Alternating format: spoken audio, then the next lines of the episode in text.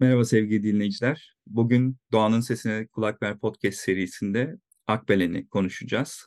Akbelen'den sembolik isimlerle birlikteyiz. Esra ve Necla Hanım'la birlikteyiz. Hoş geldiniz. Hoş, bulduk. Merhaba. Merhabalar. Nasılsınız? İyiyiz. İyi olmaya çalışıyoruz. İyi olmaya çalışıyoruz. Herkes gibi. Sizler? Bizler de iyiyiz. Biz de sizinle bu röportajı yaptığımız için, bu podcast'i yaptığımız için öncelikle ben teşekkür ediyorum ekibimin adına. Aykut da var bizim ekipten, Mozart Cultures'tan. Aykut'a da merhaba. merhaba. Katıldığınız için, bize zaman ayırdığınız için, orada yaşananları herkes biliyor. Ama o yaşananlar arasında da e, bunları anlatmak için de bir zaman ayırdığınız için teşekkür ediyorum. Öncesinde ben size söz vermek istiyorum aslında. E, sizi tanıyoruz. Bizi dinleyenler de sizi tanıyor aslında birazcık. Ama özel olarak ne yapıyorsunuz? Neyle ilgileniyorsunuz? Biraz kendinizden bahsedebilir misiniz? Tamam. Annem başlasın. Benden Oradan ben devam edeyim. Öncelikle ben de çok teşekkür ediyorum bu güzel davet için. Bu güzel program için. Necla Aşık ismim. İkizköylüyüm. İkizköy'de doğdum. Burada büyüdüm. İki çocuk annesiyim tarım ve hayvancılıkla, zeytincilikle uğraşıyorum. Dört senedir de direnişçiyiz. Yani yaşam savunucusu, direnişçi, hiç hayalini kurmadığımız, hiç bilmediğimiz şeylerin içerisindeyiz. Sizler belki Akbelen'i tabii 24 Temmuz'da duydu birçok insan ama Akbelen Derneği'nde aslında 4 sene öncesine gidiyoruz. Biz 2019 yılına gidiyoruz. Ee, Esra da tanısın kendini sonra gireriz zaten konuya. Yavaş yavaş gireceğiz onlara da. Buyurun. Ya Esra ben de zaten az önce dediğim gibi. Ben 23 yaşındayım. Yani geçen sene mezun oldum. 2022 ee, yılında. Sonra çalışmaya başladım. Bir psikolojik danışmanım. Sonra tabii e, işte Akbelen'deki bu olaylar cereyan edince istifa ettim işimden. Çünkü hani burası bizim için gerçekten hayati önemli ve birazdan zaten bahsedeceğim. Annem, babam, kardeşim, anneannem, dedem yani kaç kuşak olduğunu siz düşünün. Hep birlikte varımız, yoğumuz, her şeyimizi bu mücadeleye adamış durumdayız hep birlikte. Ee, bizim için hayat memat meselesi bu. O yüzden şu an çalışmıyorum, işsizim. Tamamen hani Akbelen'le ilgili sürecin takipçisiyiz. Bununla ilgili mücadele veriyoruz yani e, kesintisiz bir şekilde. Öyle yani öyle başlayalım. Biz de bu mücadeleyi desteklemeye çalışıyoruz elimizden geldiğince. E hazır konusu geçmişken ben direkt şeyi sor öğrenmek istiyorum. Akbelen Ormanı kime ait? Siz mücadelesini veriyorsunuz. Doğma büyüme 7 kuşak, 5 kuşak oralısınız. Ama tam olarak nedir Akbelen'de? Kime aittir? Kim sorumludur? Siz niye oradasınız? Aslında Akbelen biz yurttaşlara ait. Bana, size, anneme, köyümüzdeki 90 yaşındaki nineye, 7 e, yaşındaki bizim damlamıza, Minaslılara, Muğlalılara, bu ülkede yaşayan, aslında bu dünyada yaşayan herkese ait. Ama yani şöyle bir şey var tabii, e, hani bizim köyümüzün içinde olduğu için, hani bizim hayatımızın içinde bizim için çok büyük bir öneme sahip. Bu mücadeleyi köylüler olarak bu kadar sahiplenmemizin, bu kadar 4 senedir sürdürebilmemizin temel sebebi de aslında bu. Yani aslında baktığımızda devlet tabii ki orman benim diyerek e, işte şirkete peşkeş çekmiş durumda. Ama hani devlet de bizden oluşuyor zaten. Devlet biziz. Yani orman hepimizin aslında. Orman hepimizin. Orman hepimiz. Burada yaşayan, bundan hayat bulan herkese ait. Ama en çok da burada yaşamı bu Akbelen'le iç içe geçmiş biz köylülerin diyebiliyoruz biz. Yani kısacası bizim olan ormanın, hepimizin olan ormanı siz bizim adımıza savunuyorsunuz. Savunuculuğunu yapıyorsunuz. Kısacası böyle aslında baktığımızda. Ben de şeyi sormak istiyorum. Akbelen olayı nasıl başladı? Ya da Akbelen ormanının önemine genel anlamda işte tarihçesi gibi olabilir. Bilmeyenler için bize bahsedebilir misiniz? Daha sonra Akbelen olayını sormak istiyorum. Nasıl başladı ve süreç nasıl devam ediyor? E ben şöyle giriş yapayım o zaman. E, şimdi Akbelen Ormanı mücadelesi yani İkizköy mücadelesi aslında e, başlarken ben kişisel olarak burada değildim. Üniversiteye başlamıştım. Aslında biz doğma büyüme burada yaşamıyoruz. Evet annem burada doğdu ama hayatımızın tamamı burada değildi. 2018 senesine kadar köyümüze yakın bir ilçede yaşıyorduk aslında. Ve ben üniversiteye gittiğimde ailem buraya göç etti. Çünkü yıllarca hayalini kurdular tarımla, hayvancılıkla uğraşmanın. Yıllar önce benim küçüklüğümde, çocukluğumda buraya bir ev yaptılar. Ve ben üniversiteye gider gitmez buraya taşındılar ailece. O yüzden mücadelenin başlangıcı kısmında e, ben yokum. Ben üniversitedeydim e, uzaktan hep bilgi aldım. O yüzden söz annem başlasın. Yani burada doğdum, burada büyüdüm. 18 yaşına kadar buradaydım sonrasında. Eşim işi nedeniyle dışarıya gittik ama bağımız hiçbir zaman köyümüzde kopmadı. Her hafta sonu yazları 3 ay o boşlukta hep buradaydık. Bağımızı, bahçemizi yaptık. İneğimiz vardı kayınvalidemlerin. Hep onlarla geçim yaptık. E, ta ki 2017 yılında burada Yeniköy Kemerköy şirketinin Linyit Açık Ocak Maden İşletmeciliği adı altında İkizköy'ün en önemli, en kıymetli mevkisi Işıkdere'yi satın alacağını duydum. Esra'nın da dediği gibi Esra'nın üniversiteye başlaması bizim burayla ilgili hayallerimizin bakıyoruz ki önüne taşlar çıkıyor. Buralarda gidecek diye konuşulmaya başlanıyor. Ee, bir yandan biz buraya göçüyoruz. Esra üniversiteye Denizli'ye gidiyor ve kayınvalidemler artık tutar eliyle çok kolay bir şekilde Işıkdere mevkisi bu şirketlere veriliyor. Toprakları, bağ, bahçesi, köyü her şeyi istimlak ediliyor. Ve yapılırken de geride kalan 3 mevkisi var. Akbelen, Ova ve Karadan mevki. Bu mevkilere hiçbir şekilde alınmayacak bu topraklar denerek alınıyor aslında Işıkdere. Ve sonrasında Işıkdere'den giden 4-5 kişi buradaki Ova mevkiine ev yapıyor. Biz de 2018 yılında buraya tamamen geliyoruz ama 2005 yılında başlıyor bizim burasıyla alakalı şeyimiz. Evimizi yapıyoruz, kenarına damımızı yapıyoruz vesaire. Burayla ilgili biz burada doğduk, burada öleceğiz. Hani herkesin hayalidir bir emekliliği olduğunda köyü varsa köyüne döner ve ondan sonra işte hani organik tarıma geçer hayvancılık vesaire. Bizim de tam öyle bir hayalimiz vardı. Ama ne yazık ki hayallerimizin içine etti bu şirketler. 2018 yılında Işıkdere'nin tamamen boşaltılmasıyla şirket 2019 yılında geri kalan bu az önce bahsettiğim mevkilere bizler de dahiliz içinde ihtarname gönderdi. Neydi ihtarname? Ben burada bulunan bütün toprağı, köyü, evi, zeytinliği her şeyi alacağım. Tapunla, kimliğinle, şununla, bununla şu tarihte Yeniköy Kemerköy şirketine gel. Tam yazan bu. Hatta gelmezsen öyle bir yazı yazılmış ki bütün haklarını kaybedeceksin gibi böyle bir şey de var. E tabi köylüler olarak afallıyoruz. Hani diyoruz Işıkdere'yi verdik. Çok kolay bir şekilde verdik. Buna karşı çıkamayacağız diye. Çünkü muhtar devletin kestiği parmak acımaz. Mecbursunuz. Kaç tane köy yok edilmiş. Biz mi bir şey diyeceğiz? Biz mi bir şey yapabileceğiz? algısıyla zaten yaşlıdan oluşan köyler şimdi hepiniz biliyorsunuz gençler hep şehirlere göç ettiği için hep 80-70 yaşında olan yaşlılar e zaten ayağımız çukurda. Biz bunu görmeyiz. Bu madem buraya gelse bile biz bunu görmeyiz diyerek veriyor ama o kadar hızlı geliyor ki hemen bir sene içinde boşaltılmak zorunda kalıyor.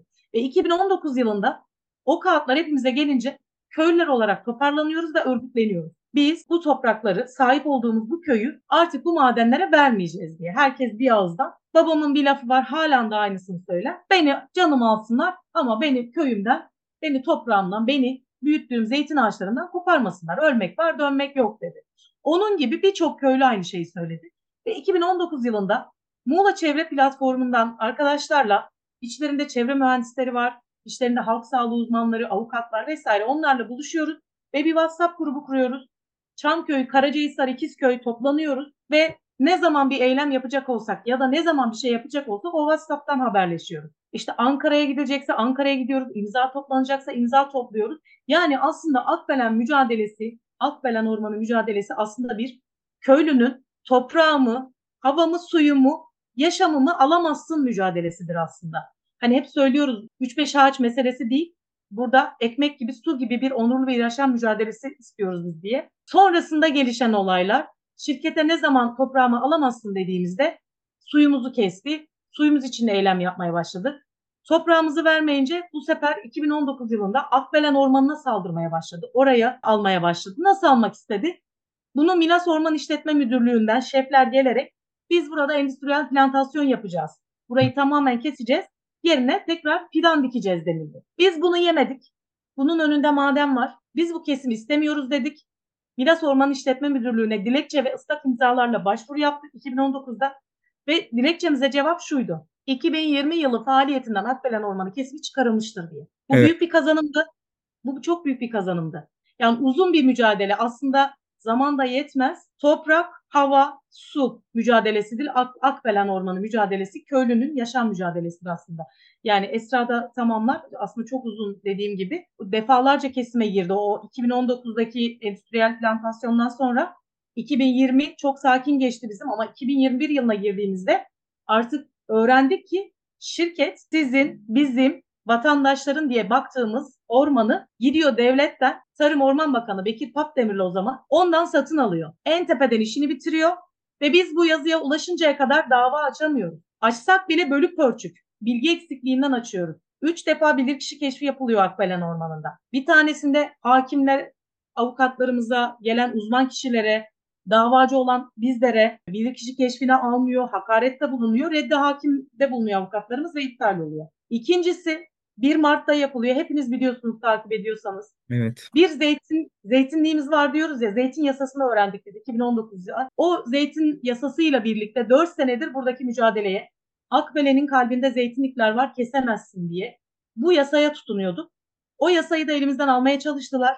Bir maden yönetmeliği çıkarttılar o tarihte. Tam da bizim bir kişi keşfimiz günü. Ses çıkardık. Yüzün üzerinde davalar açıldı. O iptal edildi ama bizim keşfimiz çok güzel geçti. Çok güzel raporlar çıkardı ama sonucunda yine elektrik için Akbelen Ormanı kesilebilire bağlandı. İtirazlar edildi. Aslında ay, o ikinci bilirkişide şey belli. Buranın ekosistem olarak, yaban hayatı olarak, orman olarak, su yönünden, zeytinlik yönünden her şey açık ve netti. Buranın orman olarak kalmasıydı kamu yararı aslında. Ama şirketlerin yararı gözetildi ne yazık ki. Mahkeme bitireceği davayı, kesemezsin diyeceği davayı bir daha keşfe gönderdi. Ve üçüncü kez bilirkişi keşfi yapıldı. Bir zeytinin gölgesinde 50 kişi 3 saat boyunca sıcaktan yandık, kavrulduk. Buranın bizim için ne demek olduğunu anlattık. Arıcılığın nasıl bitirildiğini, suların nasıl yok edildiğini, zeytinliklerin nasıl katledildiğini, köylerin yerinden nasıl edildiğini, insanların nasıl kanser hastalığından patır patır döküldüğünü 3 saat boyunca anlattık. Ama ne yazık ki vicdan, kulak, göz, hiçbir duyu organıyla bizi dinlememişler. Bütün hepsi kötü bir rapor çıkardı ve sonunda da zaten Akbelen Ormanı 24 Temmuz'da girildi. Ha bu arada 8 Ağustos'ta biliyorsunuz 2021'de her yerde yangınlar çıktı. Muğla genelinde de öyle. Burada da çıktı. 10-12 güne kadar o yangınlar uzadı. Bir türlü söndürülemedi. O yangın zamanı şirket ne yaptı biliyor musunuz? Türkiye'nin her yerinden gelen gönüllüleri toplayıp ellerinde Yeniköy, Kemerköy testerelerini vererek madenin hemen kıyısından Akbelen Ormanı'na bir pazar sabahı Akbelen Ormanı'na kıydırdı. 10.30'da haberimiz oldu gidinceye kadar 105 ağacı katletti ve o gün onları sosyal medyada ifşa ettik. Elimizde belgeleri de vardı, videoları da vardı. Çok kötü şey topladı sosyal medyada, patladı. Ondan sonra iki gün sonra da bize ne yaptılar biliyor musunuz? Jandarma baskını. İkizköy'de nöbet başlattığımız 17 Temmuz'da o birinci kesimde nöbet başlattığımız alanda jandarma müdahalesi yedik. Orantısız güce tabi olduk. Darp edildik. Nöbet alanımızdan atıldık. Tapulu arazide nöbet tutmamıza rağmen ve o iki kadına 14 kişi olmamıza rağmen iki kadın hem darp edildi hem de sonrasında bir sene sonra jandarmaya hakaret ve mukavemetten dava açıldı haklarında ve para cezası. Yani buradaki mücadele o kadar haklı bir mücadele ki bu mücadeleyi susturmak için şirket devletin bütün kurumlarını kullanarak kaymakamından, belediyelerden, validen tutun da, ormandan, Milas Orman İşletme Müdürlüğü'nden tutun da bütün herkesi kullanarak Akbelen Ormanı'nı en sonunda 24 Temmuz'da kıydırttı. Kıydırttı yani. Yani her yerde gördüğümüz şeyi siz boyun eğmeyip devam ettirmişsiniz. Normalde bu hikayeler her yerde var. Dediğiniz gibi işte yaşlılar olduğu için isyan edemiyorlar, karşı çıkamıyorlar. Ama siz orada bütün Türkiye'ye, bütün her yere örnek oldunuz Akbelen olarak. Tabii, tabii buradaki ayrıntıları bazılarını ben de bilmiyordum. Büyük ihtimalle dinleyenler de bilmiyor. O yüzden yeni bilgiler. Esra bir şey söyleyecekti ama ben araya girdim. Yani demek istediğim şey şu. Ee, annem anlatırken insanların kafasında canlanmıştır muhtemelen. Yani şirket toprağımızı almak istedi, vermedi. Suyumuzu kesti, pes etmedik, mücadeleye devam ettik. En sonunda bizi buradan def edeceklerini düşünerek ormana saldırmaya başladılar dediğinde hani ne peki bu ormanı bu köylüler için bu kadar önemli kılan diye insanlar düşünebilirler. Akbelen'i, ormanı, Akbelen ormanındaki köylüler için bu kadar önemli kılan şey Akbelen Ormanı bizim köyümüzle kömür madeninin arasındaki tek yaşam alanı, tek doğal yer. Yani e, Akbelen Ormanı kesildiğinden beri biz burada e, nefes alamıyoruz. Kömürün tozundan, iş makinelerinin sesinden, gerçekten tam olarak zehirleniyoruz. E, burası yaşanmaz bir halde aslında bakarsanız ama biz hala bu topraklarda yaşamak için diretiyoruz. Yani Akbelen köyler için neden bu kadar önemli? Bizim topraklarımıza yağmuru düşüren bu orman aslında. E, bizim zeytinlerimizi koruyan bu orman. Burada arıcılıkla uğraşan köylülerimiz var. Onlar için geçim kaynağı. Bu ormandan topladığı otuyla, çıntarıyla, mantarıyla çocuğun okutanlar var. Yani bizim için bu kadar önemli bir yer Akbelen Ormanı. Köylünün geçim kaynağı aynı zamanda, köylünün yaşam kaynağı aynı zamanda. O yüzden aslında şirket Akbelen'i kesersem buradaki köylü zaten e, yaşayamaz hale gelecek. Buradan gitmek zorunda kalacak diye Akbelen'e saldırmaya başladı. Eksik kalan birkaç yerde şöyle, annemin dediği gibi 2019 yılında bu saldırılar başladı. Orman Genel Müdürlüğü eliyle. Ardından e, baktılar gördüler ki hani e, köylü çok direniyor. E, köylü gerçekten sağlam duruyor. Ardından şirketin de baskılarıyla, şirketin, şirketin de kendi işçilerini göndererek aslında ormana defalarca kez kesime giriliyor. Yani aslında Akbelen Ormanı'na e, kesim için geldikleri ilk gün 24 Temmuz 2023 değil. Yani 2019'da başlayan bir e, kesim planı var. Çünkü şirket burayı kesmeyi, bu köyü almayı, bu köyden sonra daha en az 20 tane köyü yok etmeyi kafasına koymuş. Şimdiye kadar da bir tane köy çıkıp da onlara hayır dememiş. Hayır demeye denmesine de alışkın değiller. E, köylünün mücadele etmesine, haklının direnmesine de alışkın değiller. O yüzden buradaki direnci kırmak için ellerinden gelen her şeyi yaptılar. 17 Temmuz 2021'de e, ilk kez e, gerçekten e, hani kesim gerçekleşti. E, Orman Genel Müdürlüğü geldi. E, o gün 17 tane 30 ağacımız katledildi. 30 ağacımız kesildikten sonra halbuki o zaman bizim davalarımız devam ediyordu ve bilirkişi keşif tarihi verilmişti 30 Temmuz'a. E, biz de baktık gördük ki bunlar kafalarına bu ormanı kesmeyi koymuşlar. Ne hukuk tanıyorlar ne başka bir şey tanıyorlar. Dedik ki o zaman hani hukuki olarak bir çıkar yolumuz yoksa biz de fiili meşru mücadeleyi başlatırız. İkisini aynı anda yürütürüz. O yüzden 17 Temmuz 2021'de bir çadırla nöbet başlattık biz ikiz köylüler olarak. Ve şu an sayamadığımız artık kaçıncı günde olduğumuzu sayamadığımız dönem bir dönemdeyiz. Muhtemelen 800. günümüzde falanız.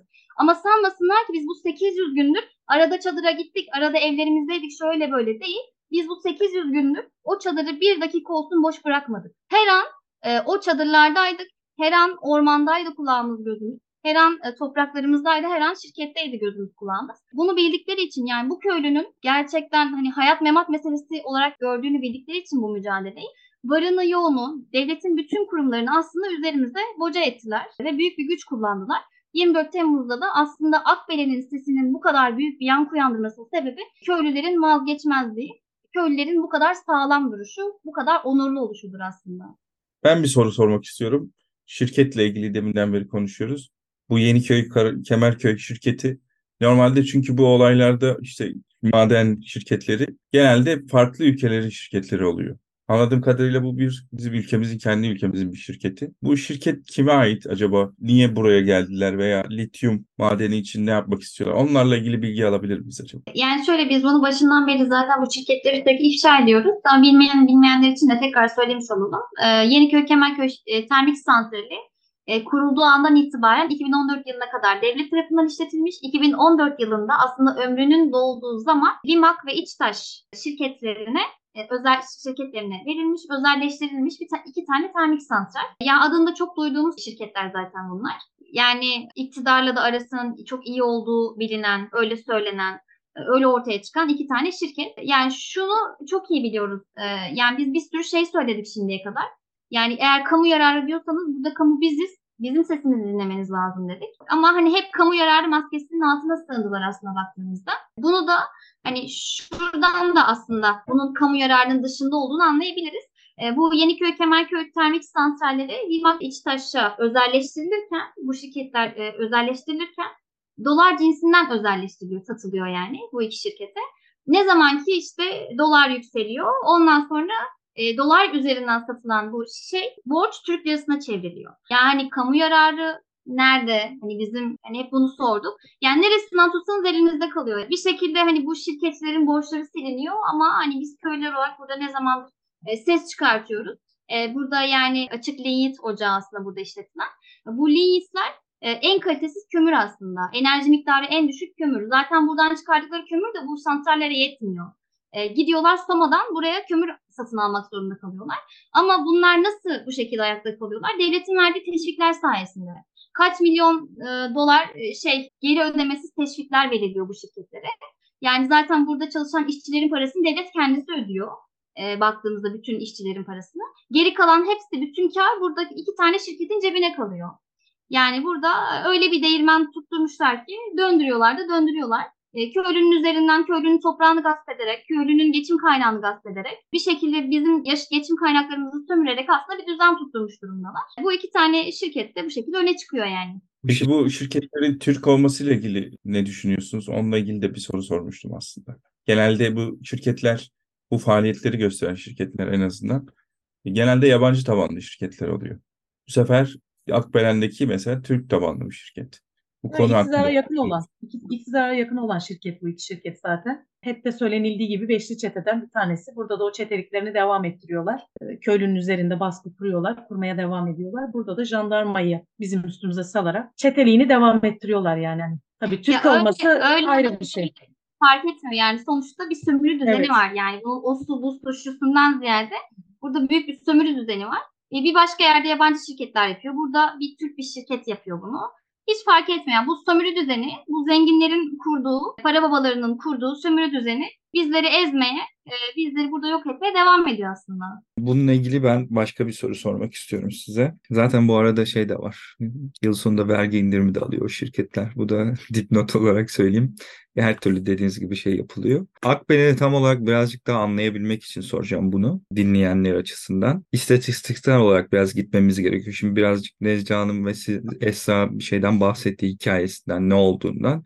Zaten 2023-24 Temmuz 2023'ten sonra da Türkiye'de birçok kişi biliyor Akben'i. E, ne olduğunu da biliyor. Şu an ne durumda olduğunu belki çoğu kişi bilmiyordur. Ona da geliriz yavaş yavaş. Daha iyi anlayabilmek için şeyi sormak istiyorum. Toplamda kaç ağaç kesildi? Neler yok edildi? İstatistiksel olarak bunun bilgisi var mı sizde? Gün olarak 800 güne ulaştı. Çok güzel. Hiç durmayan bir nöbet sistemi var. Yani şeyi hayal edebilmeleri lazım bizi dinleyenlerin. Neler gitti orada? Kaç ağaç gitti? Ya da kaç kilometre kare gitti? Yani Kaç bunu ağaç gittiğini sayısını Ya tahmini, tahmini olarak drone görüntülerinden vesaire bir şeyler çıkarmaya çalıştılar ama inanın ki biz e, bunlar söylenirken o kadar derin acılar yaşıyorduk ki, o kadar Hmm. derin acıların içindeydik ki burada kaç tane ağaç kesildi e, hiç odaklanamadık, e, hiç dinleyemedik, hiç umursayamadık.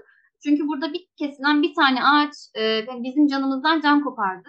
Ama hani yüzlerce futbol sahası büyüklüğünde olduğunu işte biliyoruz. Zaten bu orman e, şey olarak 740 dönümlük bir orman. E, oradan az çok kafalarını canlandırabilirler. E, burada zeytin kanunundan dolayı şu an zeytinliklere dokunamadılar ama bir yandan işte kömür madenini e, işletirken orada işte topladıkları e, atıkları vesaire şeyin üzerine dökmüşler. Zeytinliklerin üzerine dökmüşler burada jandarma lokası devam ederken. Tabii yani orada ne kadar olduğunu bilmediğimiz zeytinlik şu anda talan edilmiş durumda. Ak- Akbelen ve civarında 45 bine yakın zeytin ağacımız var şu an ayakta. Birazdan hala neden direnmeye devam ediyoruz anlatırken zaten bunu da söyleyeceğiz. Burada bilmiyorum ben ne kadar ağaç kesildiğini. Hani açıkçası çok da önemli değil kaç tane ağacın kesildiği. Hani bir bakıma elbette ki önemli. Ama yani baktığınızda yani burada kesilen bir ağaç bile bizim canımızdan can götürdü. Sadece bizim değil buraya gözünü kulağına diken, burada bizimle aynı acıları, aynı şeyleri yaşayan insanların da canından can götürdü. Dediğim gibi bilmiyoruz ama e, şunu biliyoruz. Yüzlerce futbol sahası büyüklüğünde 740 dönüm kadar büyük bir alan zaten. Bunun dörtte üçü falan kesilmiş durumda. Yani binlerce ağacın kesildiğini biliyoruz. Sadece nöbet tuttuğumuz alanda 70-80 çam var. Sadece onlar ayakta. Geri kalanı hepsini silip süpürdüler. Ama bu şu demek değil. Bunları eğer burada durduramazsak daha 3000 dönüm sadece İkizköy'de tarım arazisi var yok etmek istediği. İnsanlar şöyle diyebilir. Bize ne sizin işte toprağınızdan. Ama bu tarım arazilerini açtıktan sonra bunların altında su kaynakları var. Kızılçam ormanları yine devam ediyor. Karacahisar, Alaçam, Fesleğen. Bu taraflarda yine Kızılçam ormanları var. Hektarını söyleyemiyorum şu anda. Büyük, büyük bir alan. Çünkü 2041 yılına kadar bu iki şirket açık ocak maden işletmeciliğini ve bu santralleri çalıştırmayı hedefliyor. Elektrik üretmese dahi devletten hep bir teşvik alıyor. En son 2021 yılında 280 milyon TL sadece devletten aldığı teşvik. Devletten aldığı teşvikler zaten olmasa bunlar burada ayakta duramayacak. Taşıma suyla değirmen döndürüyorlar. Soma'dan kömür getiriyorlar. Esra'nın da dediği gibi buradaki kömür çok kalitesi düşük. Yakamıyorlar yani burada. Onu karıştırarak, Soma'dan gelen kömürle karıştırarak. Yani burada bu kadar doğayı, ormanı, su kaynaklarını, zeytinlikleri, köyleri talan ediyorlar. Bunu da kamu yararı parantez açarak elektrik üretiyoruz adı altında yapıyorlar. Burada kamu yararından çok kamu zararı var. Bunun altını çizmek istiyoruz. Esra'nın da dediği gibi biz şunu kendimize hedef koyduk. Gerçekten kaç ağaç kesildiğini bilemiyoruz. Tahmini bir rakamlar dönüyor ama bizim burada her kesilen ağaçta bizim kalbimiz kesildi, kolumuz, kanadımız, bacağımız, bedenimiz paramparça oldu. Bir tek ağaç kalıncaya kadar biz bu mücadeleyi bırakmayacağız dedik. Bırakmadık. Şu an eşim nöbet alanında. Şu an annem babam, köydeki diğer direnişçiler orada. Elimizde olsa da o görüntüyü size alsak bir fotoğraf paylaşmışlar az önce. Nöbetimiz 800'ü geçti. Yani gününü sayamıyoruz artık ama başka bir nöbet alanı kurduk biz. O nöbet alanımıza 12 Eylül'de bir darbe yedik. Karakol kurdular. Bu karakolda niçin kurdular onu da söyleyelim. Şirket burada işini rahatça görsün. Çünkü biz 4 senedir bunlara karşı kafa tutuyoruz. Devlete karşı da kafa tutmuş olduk ayrıca. Hı hı. Toprağımızı, suyumuzu, havamızı alamazsın diyerek. Burada ne ne zaman e, şirket kanunsuz bir şey yapsa hep karşısında eylemde durduk. Işıkdere'nin dere yatağını değiştirdiler. Gittik eylem yaptık. Zeytin sökümü yaptılar. Gittik eylem yaptık durdurduk. Ağaç kesimi yaptılar. Akbelen'de defalarca gittik karşılarına durduk. Bu sefer de durdurmayalım diye buraya karakol kurdular. Hiç fark etmez. Evlerimizin karşısı, arkası, önü, köyün içi 3 ay boyunca sanki dışarıda buraya işgal altına almaya gelmişler köyümüzü. O derece düşünün. Şu yakalarında Türk bayrağı var ama biz inanamadık. Biz köylüye bunu reva gören Türk askeri olamaz dedik. Ve halen daha orada asker beklemekte. Şirket işini rahatça görsün. Biz hep şunu söyledik çünkü 24 Temmuz'dan bu yana da 2019'dan bu yana da ölmek var dönmek yok. Ne pahasına olursa olsun biz bu topraklarımızı terk etmeyeceğiz. Akbelen'den vazgeçmiyoruz dedik. Şu an iki gündür orada dinamit patlatması yapılıyor. Askerler orada nöbette. Askerler toprak için değil ama biz şirkete müdahale etmeyelim diye nöbetteler. Biz de burada halen daha umutsuzluğa düşen insanlara orman, Akbelen ormanı kesildi, iş bitti diye düşünen insanlara inatla burada sadece orman değil, burada sadece mücadele tüm vatan meselesidir, su meselesidir diyerek nöbete devam ediyoruz. Mücadeleyi devam ediyoruz. Umudumuzu kaybetmedik. Umudumuzu kaybedersek her şeyimizi kaybedeceğiz biliyoruz çünkü. Her yerde başlıyor bu şeyler. Burada hala ağaçlar yaşıyor onu söyleyebilirim size.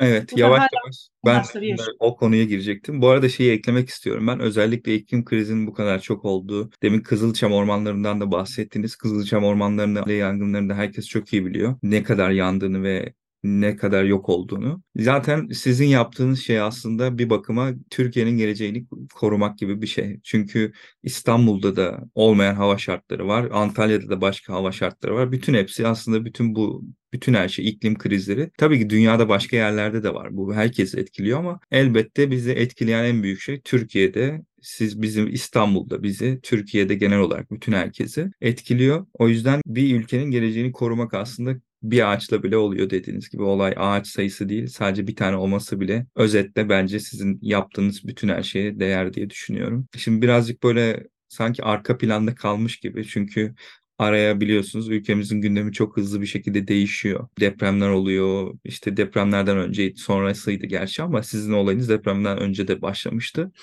seçimler girdi, bir şeyler girdi, önemsiz başka şeyler de girdi. Değişti. Twitter'da gündem olmadığı için şu an insanlar takip etmiyor aslında.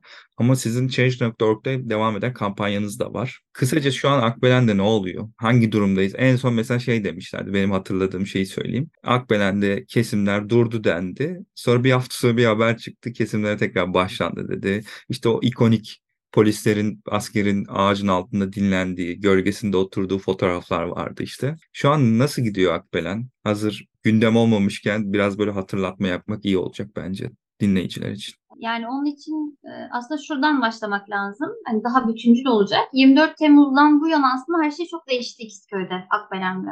Ne oldu? Biraz o güne dönmek lazım aslında. 24 Temmuz'dan önce biz yaklaşık iki ay boyunca yani seçimlerden hemen sonra şirketin yoğun söylemlerini ve baskılarını duymaya başladık. Neydi? Seçimler geçti. Artık davanın bitip bitmemesinin bir önemi yok. Bu davayı biz kazandık demektir. Ve Akbelen'e kesime gireceğiz en kısa zamanda diye. Şu gün gireceğiz diyorlar. E, nöbet alanında sabaha kadar uyumuyoruz gelmiyorlar. Şu gün geleceğiz diyorlar. Nöbet alanında sabaha kadar ayakta oluyoruz gelmiyorlar. 24 Temmuz gününe dair yeni bir söylem geldi. Yani aslında bu bir yani yıldırma çabasıydı. Bu biraz algıyı dağıtma çabasıydı. Ne oldu? Biz şu gün gelecekler dedik. Toplandık. insanlar geldi.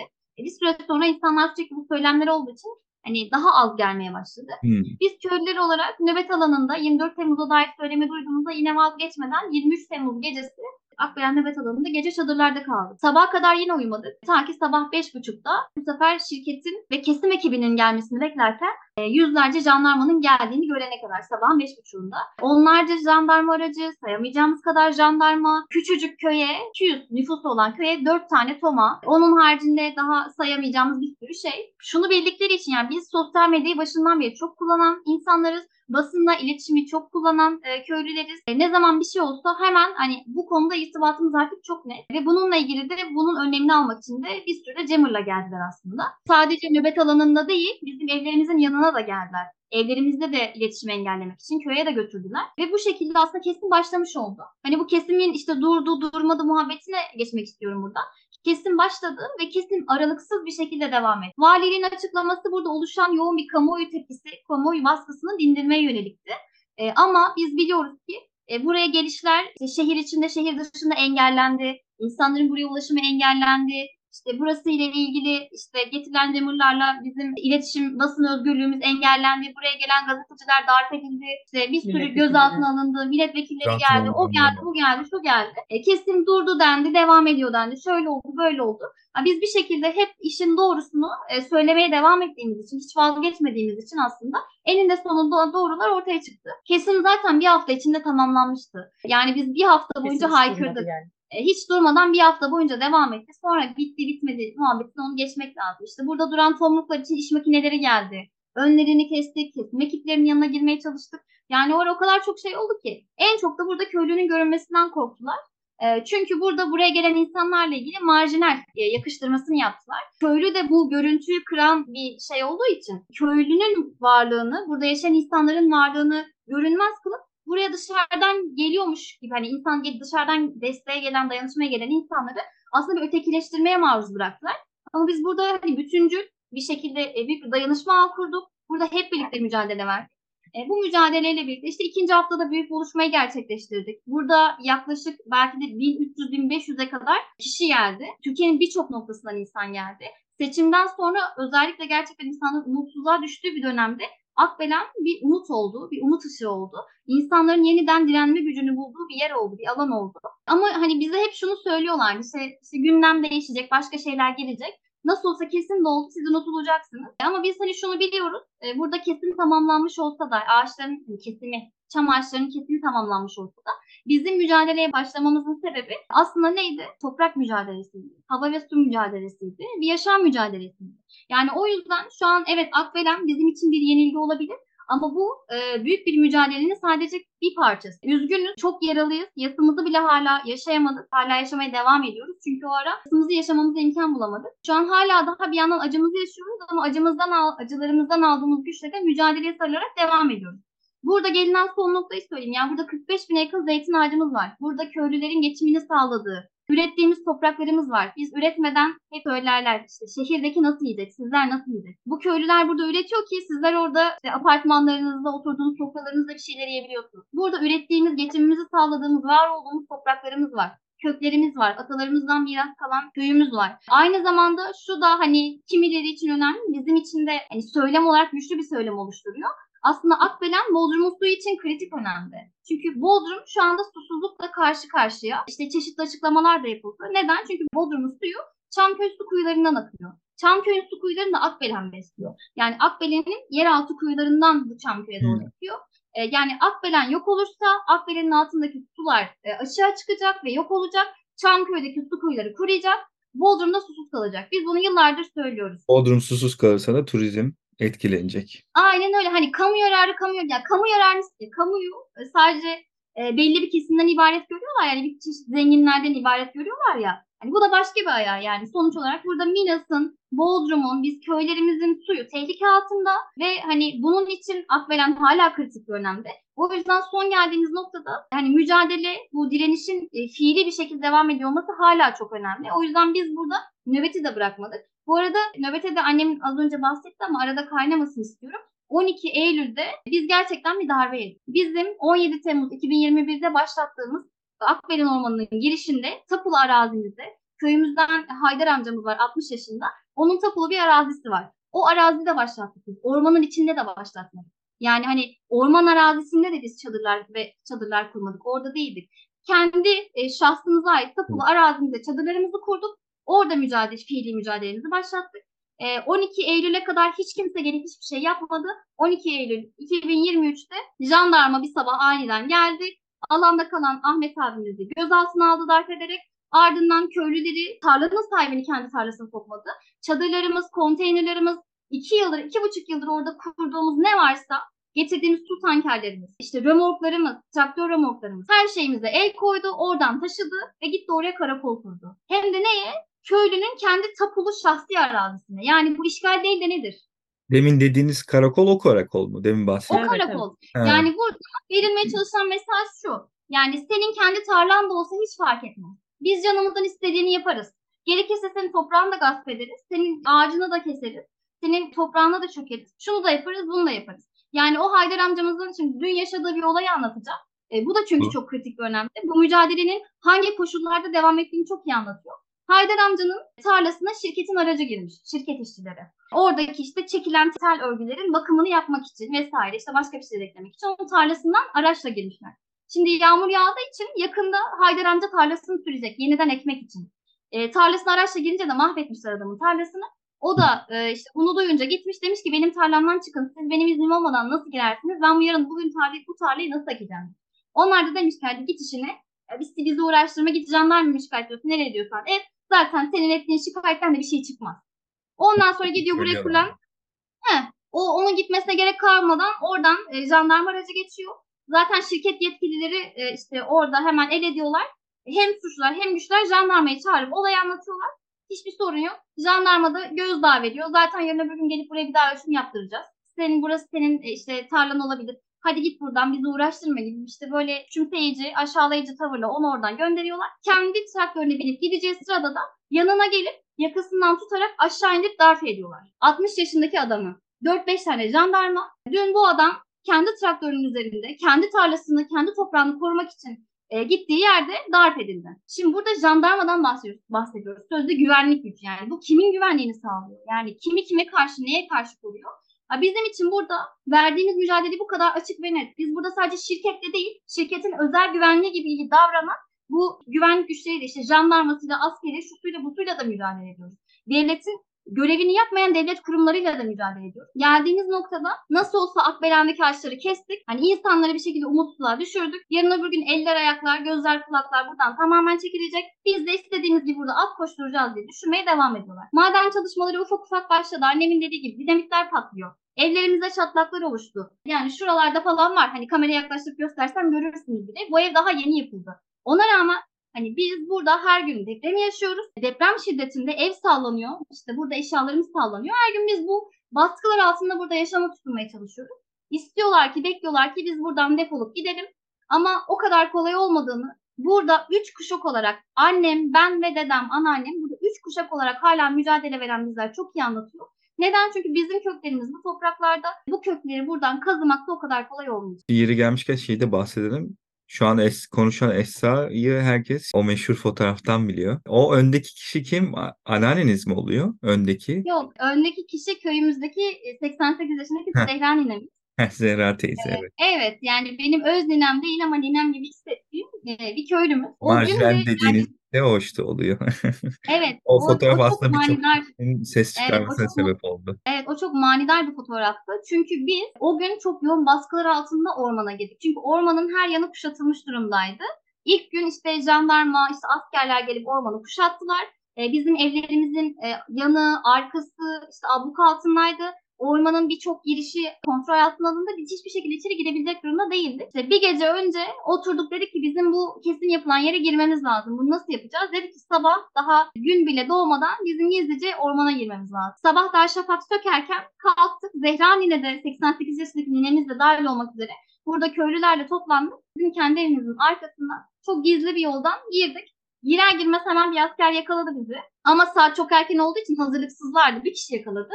Bizi görür görmez ormanın içine koşmaya başladık. Ninemiz de dahil olmak üzere. Bu arada Zehra Nine'yi aslında götürmeyecek oluyorlar. Kendisi Yürüyemezsin anlatacağım orada diye. anlatacağım. Evet. Kendisi gelmek istiyor zorla. Şimdi şunu da anlatacağım. Yani bir anda ileri doğru koşmaya başlıyoruz. Bizi tehdit ediyor. İşte belinde silah var silahına sarılıyor. Diyoruz ki sen ne yapıyorsun askere? O da diyor ki yani buradan geri dönün şimdi destek çağıracağım. Biz de diyoruz çağırırsan çağır. Hani git işte ormana girmek yasak diyor. Niye diyoruz? İşte yangınlardan dolayı işte valilik kararı. O zaman kesimciler içeride. Kesimciler niye? Onu niye çıkarmıyorsun? Hı. İşte bir şey diyemiyor. E, biz onu dinlemeden içeriye koşmaya başladık. Çünkü destek gelirse bizi içeri sokmayacak. E, ben de zannediyorum ki Zehra'nın arkamızdan yetişemez. Elinde bastonu kaç yaşında kadın. Koşa koşa gittik. Ağaç, ağaçlar devrilmiş. Ormanın içinde yürümesi zor. Hani çünkü takılıyorsunuz. Kütüklerin üzerine atlamak zorunda kalıyorsunuz.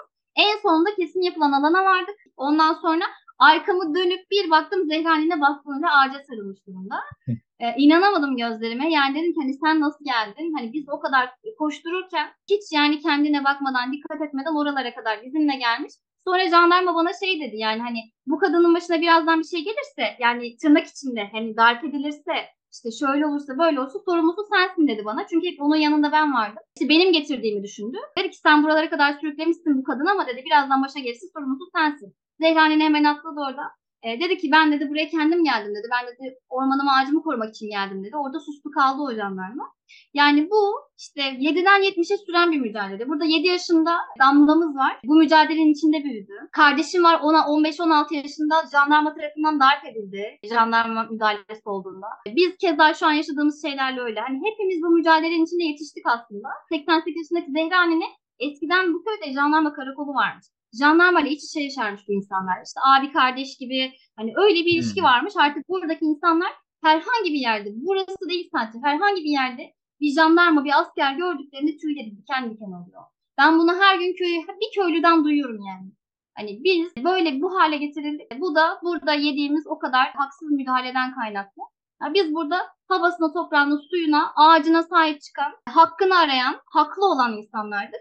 E, burada hiç kimse yani 7 yaşındaki Damla da benim 17 yaşındaki kardeşim de 80-90 yaşındaki ninem dedem de hiçbiri burada biber gazı yemeyi, joplanmayı, yerlerde sürüklenmeyi hak etmediler, hak etmedik. Ama bunları yaşamamıza rağmen de yılmadık. Buradan çekip gideceğimizi zannettiler. Bunu da yapmayacağız. Yapmayacağımızı da bu şekilde bütün baskılara rağmen hala bu topraklarda yaşamak için diretmemizde de görüyorlar. Bütün korkuları da bundan ibaret. Ne yaparlarsa yapsınlar biz buradayız. En büyük korkuları da bu. Yani mücadelenin kendisi. Teşekkür ediyoruz. Aykut senin sormak istediğin bir şey var mı? Biz zaten soruları sormadan siz bütün her şeyi cevap verdiniz. Esra'nın e, şeyine bir tek ekleme yapabilirim. E, şu an son durum ne dediğiniz için.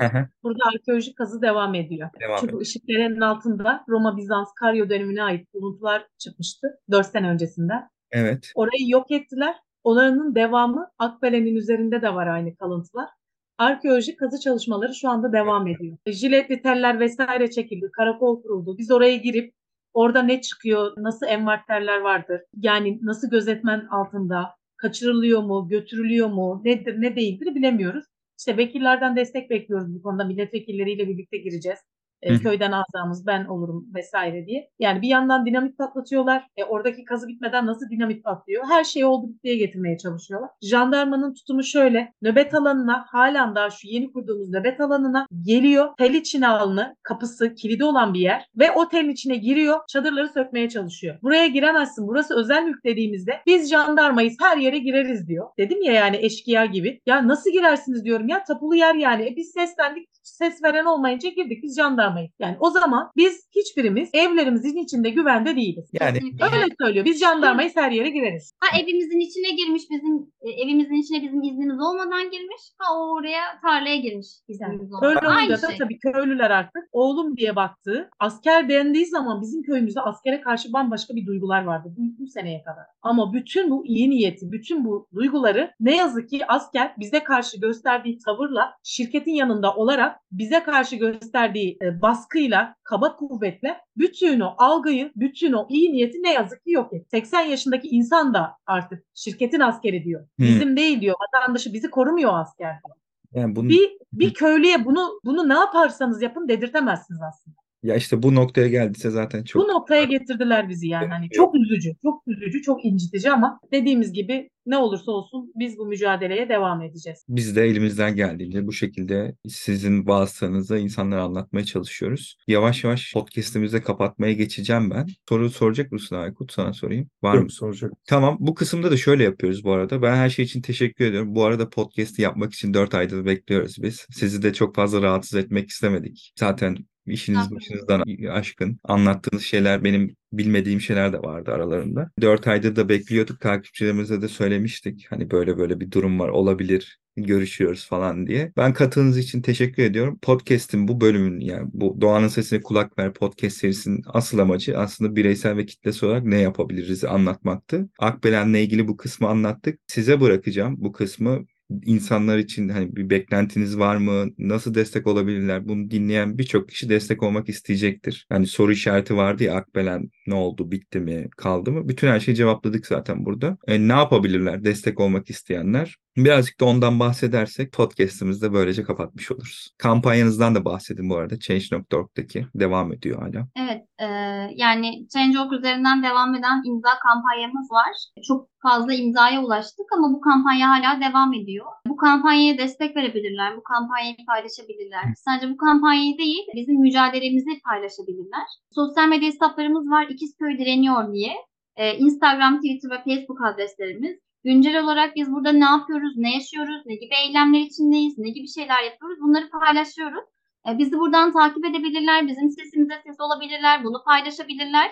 E, onun haricinde sonuçta az önce bahsettiğimiz gibi bu Yeniköy Burada- Kemerköy Dipnot koyabilir miyim ama bunların hepsini bir podcast açıklamasında yazacağız. Hani bulamazlarsa oraya bakabilirler. Hepsini kampanyayı da Facebook, Twitter, Instagram bütün adresleri de koyacağız. Oradan da bulabilirler. Buyurun. Aynı zamanda bu Yeniköy Kemerköy Termik Santrali'nin e, iki şirketin ortaklığında çalıştırıldığını söylemiştik. Limak ve İçtaş. E, bununla ilgili çeşitli eylemler düzenlendi. Otellerin önünde ayrı, şirketin önünde ayrı, işte ofislerin önünde ayrı. E, tabii bunlarla ilgili yani biz zaten eylemler organize etmeye, burada örgütlenmeye devam edeceğiz. E, bu konuda sesimizi duyurmaya devam edeceğiz. E, yani gözleri kulakları burada olsun, e, bizde olsun, bizi takip etsinler. E, biz mücadeleyi bırakmadık. Bununla ilgili çeşitli eylemler organize edeceğiz. Çeşitli yerlere gideceğiz. Hala daha bu işin peşindeyiz. Destek istediğimiz yerde, dayanışmaya ihtiyacımız olduğu yerde herkesin e, yine 24 Temmuz'da olduğu gibi e, koşup gelmesini, sesimize ses olmasını bekleriz. Biz de elimizden geldiğince paylaşmak isteriz. Mozart Cultures olarak bütün her yerde. Ki paylaşmıştık zaten. Tekrar paylaşırız. Sizin Necla Hanım'ın demin dediği fotoğrafı iletebilirse onu da post olarak çıkarız. Akbelen Güncel diye. Buyurun. Ben de şunu söyleyebilirim. Esra zaten söyledi her şeyi. Burada biz sabahları kalktığımızda normalde köyde hayat 6'da 6.30'da başlar. Karanlıkta başlar. Hayvanlarımız vardır. Zeytinciliğe başladık. Şimdi hasada başladık. Ama ne yazık ki 7'de dışarı çıktığımızda feci bir kömür kokusu. Kömür kokusundan biz dışarıda işimizi gücümüzü yapamıyoruz. Bir kere 9-10'a kadar beklemek zorundasınız. Dilerim, isterim ki zaten bizim yerimize bizim ne halde olduğumuzu biliyor insanların birçoğu. Ama görmek, buradaki havayı koklamak, buradaki durumu birebir gözle görmek inanın bana fotoğraftakinden, videodakinden çok çok farklı. Gelebilenler muhakkak İkizköy'e yollarını düşürsünler. Hı hı. Buradaki katliamı, bahsettiğimiz nöbet alanımızdaki karakolu, içerisinde hala Toma bekliyor. Anlattığımız jiletli telleri, anlattığımız arkeolojik kazıları ve 15 kilometre boyunca Ören'e kadar uzanan maden, ölüm çukuru, cehennem çukuru diyoruz. Onları birebir gözlerinin görmesi gerek. Evlerinde kullandıkları elektrikli ev aletlerini kullanırken bilsinler ki o elektrik uğruna burada bir ağacın da hayatı yok ediliyor. Burada bir kuşun evi yok ediliyor. Burada bir köylü evinden göç etmek zorunda kalıyor. O elektrik uğruna bizler burada her türlü şiddete maruz kalıyoruz. Ee, bizim yerimize empati kursunlar. Buraya gelip görsünler. 1996 yılında verilmiş bir karar var. Bir anayasa mahkemesi kararı var. Aydın İdari Mahkeme kararı diyor ki bu 3 termik santral kapatılmalı. 96 yılından bu yana kadar hemen hemen 30 sene olmuş. Ne devlet kapatmış, kapatması gereken santralleri tutmuş bir de özelleştirmiş. Ömrünü dolduran. Burada şeyine çıkan santralleri özelleştirmiş. Biz buna toplum olarak ses çıkarmazsak bana dokunan yılan bin yıl yaşasın demeye devam ederse daha onlarca köy yok edilecek. Tarıma hançer vurulacak. Su kaynaklarımız yok edilecek. Evlerinizde bir düşünün. Bir bardak su alın bir de elektriği koyun. O kadar bizi elektriğe bağımlı bireyler haline getirdiler ki. Biz elektrik gelmeden önce de bu dünya vardı. İnsanlar yaşıyordu. Şey bir çağda da değildik yani. Fener'de de ders çalıştık biz. İnsanlara sadece şuradan şunu sesleniyorum dediğim gibi. Sadece bizim başımızda değil, Türkiye'nin her yerinde talan var. Ama lütfen evlerinde kullandıkları ne olursa olsun burada bir yeri yok ederek ona ulaşıyorlar. Tepki versinler bu iki termik santrale. Sadece buna da değil, bütün termik santrallere. Çünkü bizim gençlerimizin, çocuklarımızın hayatları yok oluyor. Gelecekleri yok oluyor. Sular yok olduktan sonra, gıda yok olduktan sonra, gıda krizleri başladı, iklim krizleri başladı. Yani buna bir dur demek için şu an tam vakit. Dediğim gibi İkizköy direniyoruz, takip etsinler. Change.org'da termik santralleri kapat diye bir imza kampanyası var. Onu imzalasınlar. Ömrümüzü bitiren, bizi psikolojimizi bozan, kanser eden bu santraller, bu maden ocakları artık bitirilsin. Elektriğin alternatifi var, güneş var, rüzgar var ama suyun, ekmeğin alternatifi yok. Ekmeğin ve suyun üzerinden enerji üretimi olmaz. Bunu üstüne basarak söylüyorum. Çok teşekkür ediyoruz bize bu fırsatı tanıdığınız için. Biz teşekkür ederiz. Ne demek? Ne Sevgiler, saygılar. Mücadelemize devam. Hepimiz için. Hepimiz için biz de artık bu mücadelenin içine girmiş bulunuyoruz Mozart Cultures olarak. Eyvallah.